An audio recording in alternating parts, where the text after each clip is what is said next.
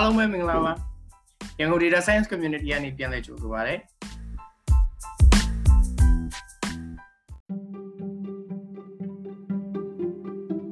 ကျွန်တော်တို့ဒီခောက်တော့ဒီ AI နဲ့ ML မှာ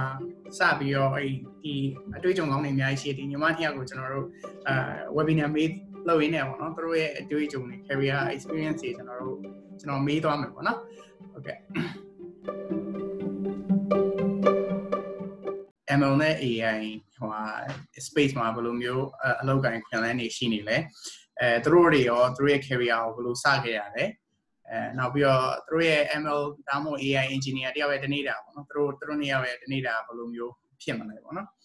နောက်ပြီးတော့သူတို့နဲ့သူတို့အလုပ်လုပ်နေရတဲ့ team မှာ role say function တွေနောက်ပြီးတော့ responsibility တွေကဘာရှိလဲပေါ့နော်တရားအပြန်လန်ပြောသွားမယ်ပေါ့နော်ဟိုတယောက်နဲ့တယောက်နဲ့လည်းဟို အာ experience ရလည်းကွဲတော့ခါကျတော့အဲ့ဒါဟိုဒီ interactive conversation ဆိုပိုပြီးကောင်းမှာပေါ့နော်အဲကျွန်တော်ကတော့ data analyst API ဘိုင်းလုပ်ပါတယ်အဲဖူကတော့ဒီ AI engineer အဲသူက computer vision ပေါ့ပို့ပြီးတော့ဟိုဦးစားပေးတယ်ပို့ပြီးတော့လည်းစိတ်ဝင်စားတယ်ပေါ့နော် LS ကတော့အဲ့ data scientist နဲ့ data engineer လို့ပြောလို့ရတယ်သူအဲ့ machine learning ဟို workflow တွေနောက်ပြီး data engineering pipeline တွေတော်တော်များများသူကင်တွယ်ရတယ်ပေါ့နော်ပူတော့ဒီ LX ကိုသူတို့ရဲ့လက်ရှိလုပ်နေတဲ့ AI နဲ့ ML carrier မှာသူတို့လုပ်နေတဲ့အလုပ်တွေသူတို့ scale တွေကိုဘယ်လိုပြင်လာလဲအဲဘယ်လို scale တွေလက်ရှိဟို build up လုပ်ပြီးသား scale တွေဘယ်လိုမျိုးဟိုပို့ပြီးတော့ပိုကောင်းလာအောင်အဲပို့ပြီးတော့အဲ့လိုမျိုးဟို shining ပိုဖြစ်လာအောင်ဘယ်လိုမျိုး home လုပ်လဲပေါ့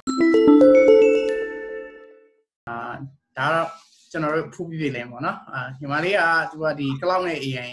solution architect ပေါ့နော် အာဒီ young data science community ကိုသူကဒီ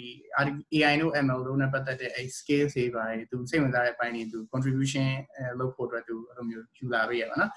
နောက်ပြီးတော့သူအဲ computer vision အပိုင်းမှာဆိုတော့ဟိုဟို specialization ဖြစ်တယ်နောက်ပြီးတော့ဒီကနေ့လည်းသူဟို master ဟို specialize လုပ်ပြီးသားဆို join တယ်ပေါ့နော်နောက်ပြီး AI သူခံယူထားတော့ AI တို့ computer vision တော့သူ့ရဲ့ဟိုဘဝရဲ့အစိပ်ပိုင်းလို့ခံယူထားပါတော့အဲနောက်ပြီးတော့ဒီတခြားဟို လူငယ်တခြားဟိုဟာသူတည်တဲ့ education နဲ့သူတည်တဲ့ skills နဲ့လည်းဒီ social impact များများလုပ်ချင်တယ်လို့လည်းသူပြောတယ်အဲနောက်ပြီးတော့သူ data science career ကိုသူစတယ်စတဲ့အချိန်မှာသူဟိုဟာ2019လောက်တုန်းကသူမြန်မာနိုင်ငံ National Cloud AI Contest မှာသူဝင်ပြိုင်တယ်အဲအဲကနေပြီးတော့နောက်ပိုင်းတော့ဒီ Huawei ဒီ cloud AI cloud ကိုရောက်တာเนาะညီမလေး Huawei cloud ကိုသူဟိုဟာရောက်တယ်နောက်ပြီး cloud AI ကိုရောက်တော့เนาะအာ ဟိုလောတော့အဲ corona နဲ့ပတ်သက်ပြီးတော့သူတို့အဲဟို Huawei cloud AI ကသူတို့အဲဒီအဲ corona ယောဂရှိမရှိဟိုအဆုတ်ကို scan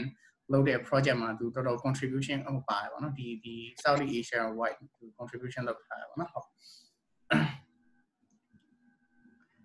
အဲနောက်တစ်ယောက်ကတော့ကျွန်တော် Alex ပါကျေးဇူးပါကို Alex ကတော့ဟိုဟာ data scientist ပေါ့နော်ပြီးတော့သူ educator ပေါ့နော်သူဒီ data science education တွေနဲ့ပတ်သက်ပြီးလို့ရှင်လဲတော်တော်များများ active ဖြစ်တယ်အာသူဟိုပိုင်းလို့ study group လေးလုပ်ပြီးတော့ဒီလို study တွေကိုသူဟိုဟာ Coursera တို့ဘာလို့ဟာဒီဟိုဟာသွားနေတဲ့ program တွေကိုသူဟိုဒီ study group လိုမျိုး run ပြီးတော့အဲဒီ certified ဖြစ်အောင်ကူညီပေးနေပေါ့နော်နောက်တစ်ခုကကျတော့ဒီ ML နဲ့ finance ကိုသူကတော့ enthusiastic ဖြစ်တာဟောဒီ finance နဲ့ economic ကိုလည်းတော်တော်စိတ်ဝင်စားတာပေါ့နော်ဟုတ်အာ ပြီးတော့သူကဒီ member of winning team မှာနော်ဒီ MSC Malaysia A APICTA เนาะဒီမှာလေဟော awards ကို2019မှာအဲ digital marketing နဲ့ advertising မှာသူတို့ winning team ရဲ့ member ဖြစ်တယ်ပေါ့နော်ဟုတ်အာနောက်ပြီးတော့သူအဲ profession ဖြစ်တာဒီ machine learning နဲ့ data engineering မှာတော်တော်ဟိုဟာ profession ဖြစ်တယ်ကျွန်တော်တို့လည်းဒီဟို project တစ်ခုလောက်ဟို LX နဲ့လည်း run လုပ်တယ်ပေါ့နော် engineering ဘိုင်းပေါ့အဲ ML ကိုသူကတော့အဲ financial sector မှာသူကအသုံးချချင်တာပေါ့နော် ပုံမှန်ပုံမှန်အဖြစ်ဆိုရင်ဟို finance မှာတော့ဒီဟို financial information တွေအတက်ကြတွေကိုပဲဒီဟို prediction လုပ်နေကြပါဘောနော်သူကတော့ဒီ human behavior တွေပါပါပေါင်းပြီးတော့အဲ ML ML algorithm တခုသူကတော့လုပ်ချင်တယ်လို့ပြောတာပေါ့နော်ကျွန်တော်တို့လည်းစကားပြောဖြစ်တော့အဲ သူ data science career ကိုစတဲ့အချိန်ကတော့ဒီ data science researcher အနေနဲ့စတယ်ပေါ့နော်အဲနောက်ပြီးတော့လောလောဆယ်တော့သူ Telecom Malaysia မှာအဲ LS ကမြန်မာပြည်မဟုတ်ဘူးလောလောဆယ်သူလို့လုပ်နေတာဒီ Cyber Jara ပေါ့နော် Cyber Jara ဆိုတော့အဲ Malaysia နိုင်ငံရဲ့အဲလို Silicon Valley လိုနေရာမျိုးလို့ပြောလို့ရအောင်အဲလိုအမှသူ Telecom Malaysia မှာသူအဲအဲ leading telecom operator တခုရမှာသူအဲ data science ဟို team မှာသူဝင်ပြီးတော့လုပ်ကိုင်ပါတယ်အာဒါတော့ကျွန်တော် 2009ခုနှစ်ကနေ2020ပြိုအဲ data ရန်များလာတယ်အဲပို့ပြီးတော့ insightful ဖြစ်တာကလွန်ခဲ့တဲ့နှစ်နှစ်လောက်အတွင်းမှာဒီ data ပမာဏအရန်ကိုပုံများလာတယ်ပေါ့နော်ဟိုဒီ data တွေကိုလူတွေရဲ့ social media တွေ comments တွေအဲအနေနဲ့လည်းလုပ်တယ်ပြီးတော့ business တွေ enterprise တွေကနေသူတို့ရဲ့ organization နဲ့ပတ်သက်တဲ့ data တွေသူတို့ဖန်တီးထားပါအဲအဲ့ကနေပြီးတော့ကျွန်တော်တို့အာဒီအဓိကပြောချင်တာကတော့ဒီ data တွေရမ်းများလာတဲ့ခါကျတော့ data တွေကို handle လုပ်ဖို့ machine learning တို့ ML တို့ expert တွေပေါ့နော် ML နဲ့ machine learning expert တွေကိုအာပို့ပြီးတော့အလုပ်ကိုင်ခွင့်လည်းများလာတယ်ဆိုတော့ဒီညီမနှစ်ယောက်ကပြောပြတယ်ပေါ့အဲ့တော့အခု panel စပြီးတော့မိတ်ဆက်ပြီးတော့အဲသူတို့အဲစပြီးတော့ topic ဖွင့်ပြီးမှာနော်အဲ့တော့သူတို့ကျွန်တော်မေးချင်တာကဟိုဟာ pool or ls ကိုကျွန်တော်မေးချင်တာ data ကိုဟိုဆိုတာပါလဲအဲ data science ဆိုတာပါလဲညီမတို့ဟိုဘယ်လိုဘယ်လိုမျိုးဒီဟာကိုခေါ်မလဲပေါ့နော်ဟုတ်ကဲ့ အာ Alex အရင်ဆွေးနွေးပြပါလားဘာလို့လဲဆိုတော့ Alex က data science နဲ့ပတ်သက်ပြီးတော့အခုချိန်မှာ specialize ဖြစ်နေရဟုတ်ကဲ့အဲ့ Alex အရင်လိုက်မယ်နော်ဟုတ်ကဲ့ data Alex အတန်နဲ့တိုးတယ်ခင်ညီမဟုတ်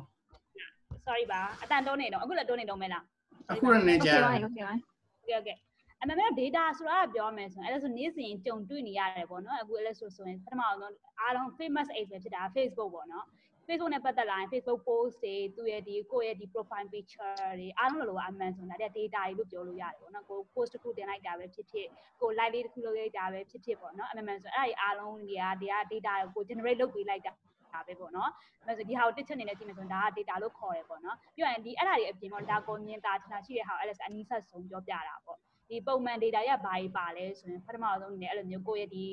database နဲ့ပတ်သက်တဲ့စကားလုံးတွေကြားဘူးကောင်းကြားဘူးမယ်ပေါ့နော်အဲ့လိုမျိုးဒီ number တွေတို့ကိုယ့်ရဲ့ဒီခုဆိုင်တစ်ဆိုင်မှာသူပစ္စည်းဘယ်လောက်ရောင်းရတယ်ဆိုတဲ့ number တွေပါရင်ပါမယ်ကိုယ့်ရဲ့နီးစပ်တဲ့နေရာမှာကြည့်မယ်ဆိုရင်ပေါ့နော်ဒီ transaction တစ်ခုမှာကိုကဘယ်လောက်ဘယ်လောက် quantity ဘယ်လောက်ဝယ်လိုက်တာတွေအဲ့မှအဲ့ဒီအားလုံးတွေကကို day to day မှာလိုက်ပြီးတော့ကို like ပတ်သက်နေတဲ့တော်တော်များများတွေက data နဲ့ associated ဖြစ်နေတယ်ပေါ့နော် as ကပုံမှန်မြန်မာလူတွေတော်တော်များများဘာကိုရင်းနှီးကြမလဲဆိုရင်ကို shopping mall တစ်ခုသွားတယ်ဆိုပါစို့နော် သွားရင်ကိုက item တစ်ခုဝယ်လိုက်တာလေအဲ့လိုမျိုးပေါ့နော်ကိုကဒီ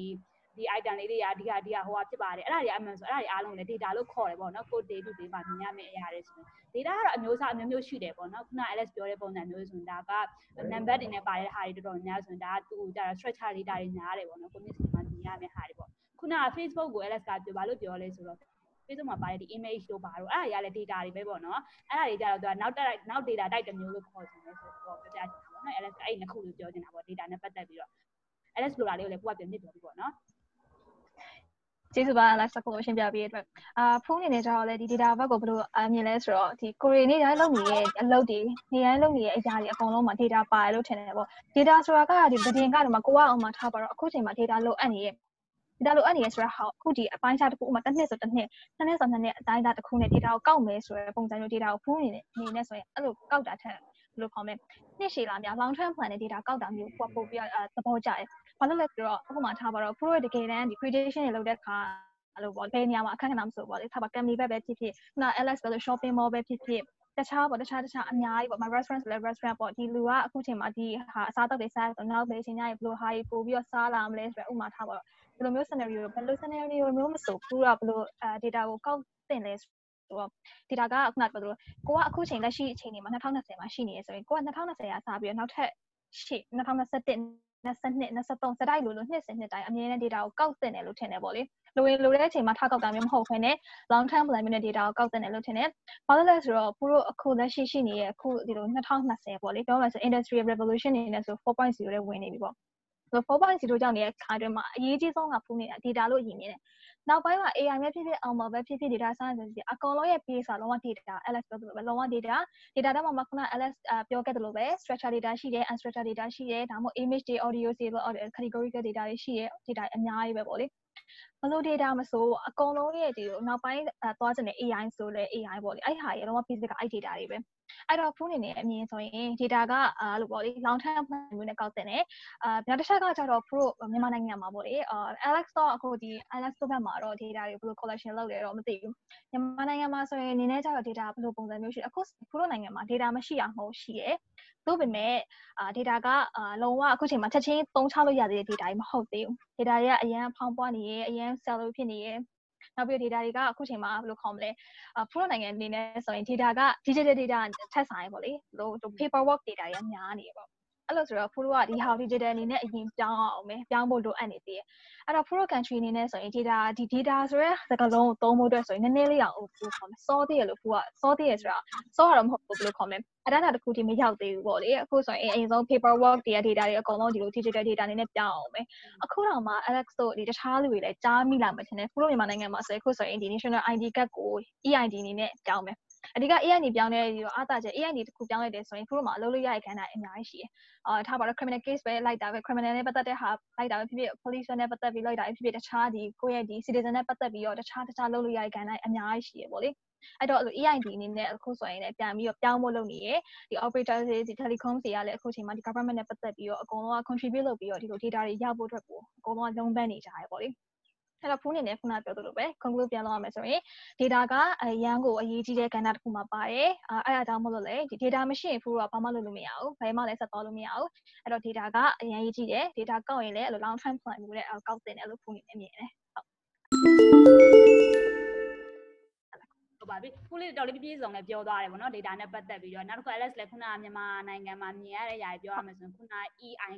IC ပေါ့နော်ပြောချင်တာဒီ ID နဲ့ပတ်သက်ပြီးတော့ အဲ့ဒါလေးကအဲ့ဒါလေးကအဲ့ဒါဆိုပြီးသွားမယ်ဆိုရင်ပေါ့နော်ဒီ data နဲ့ပတ်သက် data science job တွေအများကြီးပေါ်လာပေါ်လာလာရှိတယ်ပေါ့နော်အဲ့ဒါနဲ့ပတ်သက်ပြီးလည်းထည့်ပြောခြင်းတယ်။မဟုတ် data science ကအမှန်မှန်တော့ကို collect လုပ်ထားတဲ့ data တွေကိုသူက operation လုပ်တာပေါ့နော်သူကအဲ့လိုမျိုးအဓိကဒီဟာ science ဆိုတဲ့အတိုင်းသိတဲ့အတိုင်းတော့ကဒီ science ဆိုတော့ကွာသူ့ကိုကိုဒီ data တွေသုံးပြီးတော့ကို insight တွေထုတ်ချင်းထုတ်မယ်ဒီ data တွေသုံးပြီးတော့ကိုကဒီနေရာမှာဘယ်လိုကူညီပေးလို့ရတာဆုံးဖြတ်ချင်းဆုံးဖြတ်မယ်ဒီဟာတွေကအကုန်လုံးတွေက data science ကကွာကိုဒီ project တစ်ခုလုပ်ပြီး data တွေသုံးပြီးတော့ဒီ social impact တစ်ခု project လုပ်တာမျိုးပဲဖြစ်ဖြစ်ပါအဲ့လိုမျိုးလုပ်တဲ့ဟာမျိုးမှာသုံးတဲ့ method တွေပေါ့နော် technique တွေအားလုံးပါဝင်ပေါင်းစပ်နေတဲ့ဟာကို data science လို့ခေါ်တာပေါ့နော်။သူက science ဖြစ်တဲ့အတွက်ဒီ science major တွေတက်ဖို့လို့လည်းသတိထားမှာပါ။သူကနီးနှန်းရှိမယ် systematically ဘယ်လိုကနေဘယ်လိုလုပ်ရမလဲဘယ်လိုဆိုရင်ဘယ်လိုသွားရမလဲအဲ့ဒါမျိုးပေါ့နော်။ data science ကိုမလာခင်အဓိက data ရှိဖို့အရေးကြီးတယ်ပေါ့နော်။ data science လုပ်မယ်ဆိုတော့ method တွေတော့အကုန်ကောင်းကန်းရှိတာပြောတော့ဟုတ်ပါပြီဒါပေမဲ့ကိုယ်မှာ data မရှိရင်ဘာမှမထူးပေါ့နော်တစ်တစ်နေနဲ့ခုနကခုရဲ့ data လေးပြောသွားတယ်ပေါ့နော် data ရှိဖို့အရန်ရေးကြီးတယ်ဒီမလေးရှားတို့ဘာလို့နိုင်ငံမျိုးမှာကြာတော့သူတို့က data ကို digitalization ကအရန် progress ကအရန်ကောင်းနေပြီပေါ့နော်မြန်မာနိုင်ငံနဲ့ရှင်မယ်ဆိုရင်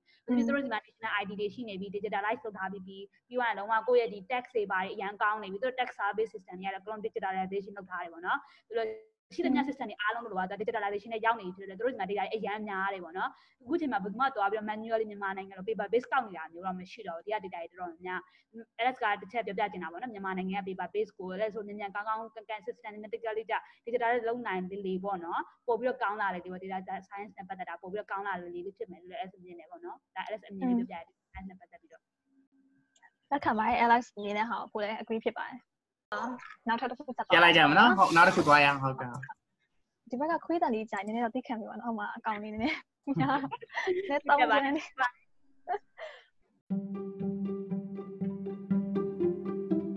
ဒါတော့ Google Trend LS နဲ့ Pool နဲ့နည်းနည်းဆွေးနွေးလို့ရရင်လည်းဆွေးနွေးပါအောင်ခင်ဗျာ LS အရင်ပြောလိုက်မယ်နော်ဟိုဒီဟာလေးနဲ့ပတ်သက်ပြီးတော့လေ အမှန်မှန်ဆိုရင်ဒီ Google Trend ဆိုတာဘာကိုပြောလဲအရင် LS intro ပေးချင်တယ်ပေါ့နော်ဒါသိရလူရှိကောင်းရှိမယ်ရှိသလိုမသိရလူလည်းရှိရှိမယ်ပေါ့နော်ဒီ trend ဆိုတာသူကဒီဟာလေးနဲ့ပတ်သက်ပြီးလူတွေဘယ်လောက် Google လင်းလုပ်ကြလဲပေါ့နော်ကိုကတိုက်မှာကိုကကိုက search ပြီးတော့ဒါက ML ကို ML ကိုတိုက်ပြီး search လုပ်တဲ့လူဘယ်နှယောက်များတယ်လဲဒါမှမဟုတ်လဲ AI နဲ့ပတ်သက်ပြီးတော့ဘယ်လောက်များပြီးလူတွေလိုက်ပြီးတော့သူ့ရဲ့မျိုးလဲသူ့ရဲ့ဘယ်လိုလဲသိစင်စိတ်တွေကိုသူကလိုက်ချ query လုပ်တဲ့အမှားပမာဏကိုသူပြောပြရတာပေါ့နော်ဒီမှာ trend ဆိုတဲ့ဟာလေးကလေနောက်သူဒီ machine learning fee တို့ AI fee တို့ data science fee တို့အခုချိန်မှာဒီ2004ကနေပြီးတော့2020ပေါ့နော်အဲ့ဒီတော်တော်မှကြည့်မယ်ဆိုရင်သူ့ရဲ့ဒီ trend ကမြင့်လာတယ်ပေါ့နော်လူတွေပို့ပြီးတော့ interest ရှိလာကြတယ်ဒီ fee တွေတော်တော်များများလည်းသုံးဖြစ်လာကြတယ်ပေါ့နော်အရင်တော့လည်းစရင်နောက်တစ်ခုကသူ့မှာတခြားသူ့ကိုကောင်းကန်သူ့ရဲ့ဒီသုံးအသုံးပြုတဲ့နေရာတွေများလာတာဖြစ်တဲ့အတွက်လူတွေရဲ့သူ့ရဲ့ကောင်းကျိုးကိုမြင်လာတာဖြစ်တဲ့အတွက်တဖြည်းဖြည်းနဲ့ပို့ပြီးတော့စိတ်ဝင်စားမှုများလာတဲ့အကြောင်းကိုသူအဓိကပြောချင်တာပေါ့နော်ဒီမှာ trend ဆိုတဲ့သဘောတရားက သူကလူတွေရဲ့ attention ပိုရလာတယ်ဆိုတဲ့အကြောင်းလေးအဲ့လဲဆိုအဓိကထည့်ပြောချင်တာလည်းပါတယ်ပေါ့နော်ဒီ fee တွေလိုမျိုးခုနအဲ့လဲဆိုရင် financial service sector မှာတော်တော်တော်များ machine learning ကိုသုံးလို့လို့ပဲအဲ chu food အနေနဲ့ဆိုရင်လည်းပေါ့နော်တခြားအဲ့လိုမျိုး service sector တွေမှာအများကြီးသုံးလာတယ်ပေါ့နော်ပြောချင်တာသူ့ရဲ့ဟာလေးတွေသူ့ရဲ့ utilization ရအရင်နည်းနည်းမြင့်လာတယ်ဆိုတာလေးကိုအဲ့လဲဆိုကဒီမှာ Google Trend မှာတော့ကြည့်ပြီးတော့နည်းနည်းတေချာလေးထုတ်ပြလာတာပေါ့နော် fact အနေနဲ့အားလုံးလို့လည်းတေချာလေးမြင့်စီတယ်မြင်လာဟုတ်ကဲ့ခုပြောပြောဒီပေါင်းဒီဟာလေးနဲ့ပတ်သက်ပြီးတော့လေ အဲဖိုးကဒီ Google Trend ကခဏ Alex ပြောတာပြည့်စုံပါတယ်ဗောလေဖိုးကကျတော့ဒီ Google Trend ထက်ကိုတခြားဘယ်ဟာလေးကိုပြပြချင်လဲဆိုတော့ဒီဗောလေဒီအခုလက်ရှိအချိန်တွေမှာဒီတကဘာလုံးတိုင်းတာနေနေပေါ့ တခုဆိုရင်ဒါက Google ရဲ့ research ပေါ့လေ Google ကနေ Google မှာဘယ်လောက် Google link လုပ်တယ်ဆိုတော့ AI နောက်မှ data science machine learning နဲ့ပတ်သက်ပြီး Google link လုပ်တယ်ဘယ်လောက်အနှုံသားရှိတယ်ဆိုတာဟာမျိုးပြတာပေါ့အဲ့ဒါအပြင်မှာဒီကဒါက Google ပဲရှိသေးရပေါ့လေခုတော့မှတခြားဒီပေါ့အမှထားပါတော့ဒါ Facebook ပဲဖြစ် Facebook မှာဆိုတော့ခုနောက်ပိုင်းဆိုရင် pro ဒီလိုအဲ community ရေးရှိလာတယ်ခါကျရင် Facebook မှာဆိုတော့ show လူတွေဆိုရင်ဒီလို upload လေးတင်ပေးတယ်မှာ video လေးတင်ပေးတယ်အဲ့ဒီမှာလည်း pro သွားပြီး search လုပ်ကြရပေါ့လေအဲ့တော့အခုတော့မှဒီဟာတော့မှ Google တခုတွေကနေအတိုင်းတာတော့မှဒီလောက်ရှိနေရဆိုရင်ပေါ့တခြားဒီပေါ့ LinkedIn တို့ပဲဖြစ်ဖြစ် Facebook တို့ပဲဖြစ်ဖြစ်တခြားမှာ Twitter ပဲဖြစ်ဖြစ်အကုန်လုံးပေါင်းမယ်ဆိုရင်ဘယ်လောက်တောင်ဖြစ်နေပြီလဲဆိုတော့အကုန်လုံးကြာ gas လို့လို့ရတယ်ပေါ့လေအဲ့တော့ပြောချင်တာကဒီအခုနောက်ပိုင်းဆိုရင်ခုနောက်လုံး industrial 1.0 2.0 3.0အဲဒီ technology အပြင်မှာနောက်ထပ်4.0ရောက်လာတဲ့အခါမှာ AI ကဘယ်လောက်ထိ improve ဖြစ်လာလဲအခုဒီလိုလက်ရှိ2020အထိကိုဒီလောက်ဖြစ်နေရဆိုရင်နောက်ထပ်9နှစ်လောက်ဆိုရင်ဘယ်လောက်တောင်ဖြစ်လာမလဲဆိုတော့ဟာသူ တကယ်လေးဟို estimate လုပ်ကြည့်လို့ရတယ်ဒီပုံလေးကိုမြင်ပြီးတော့ဒီပုံလေးထည့်ပေးထားတာအရင်ကောင်းပါတယ်ကိုရင် ပို့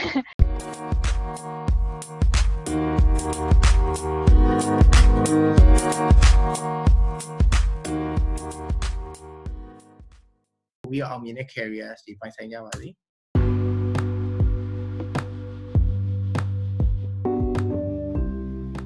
ကျွန်တော်တို့နောက်တစ်ပတ်မှာပြန်ဆုံကြရအောင်เนาะ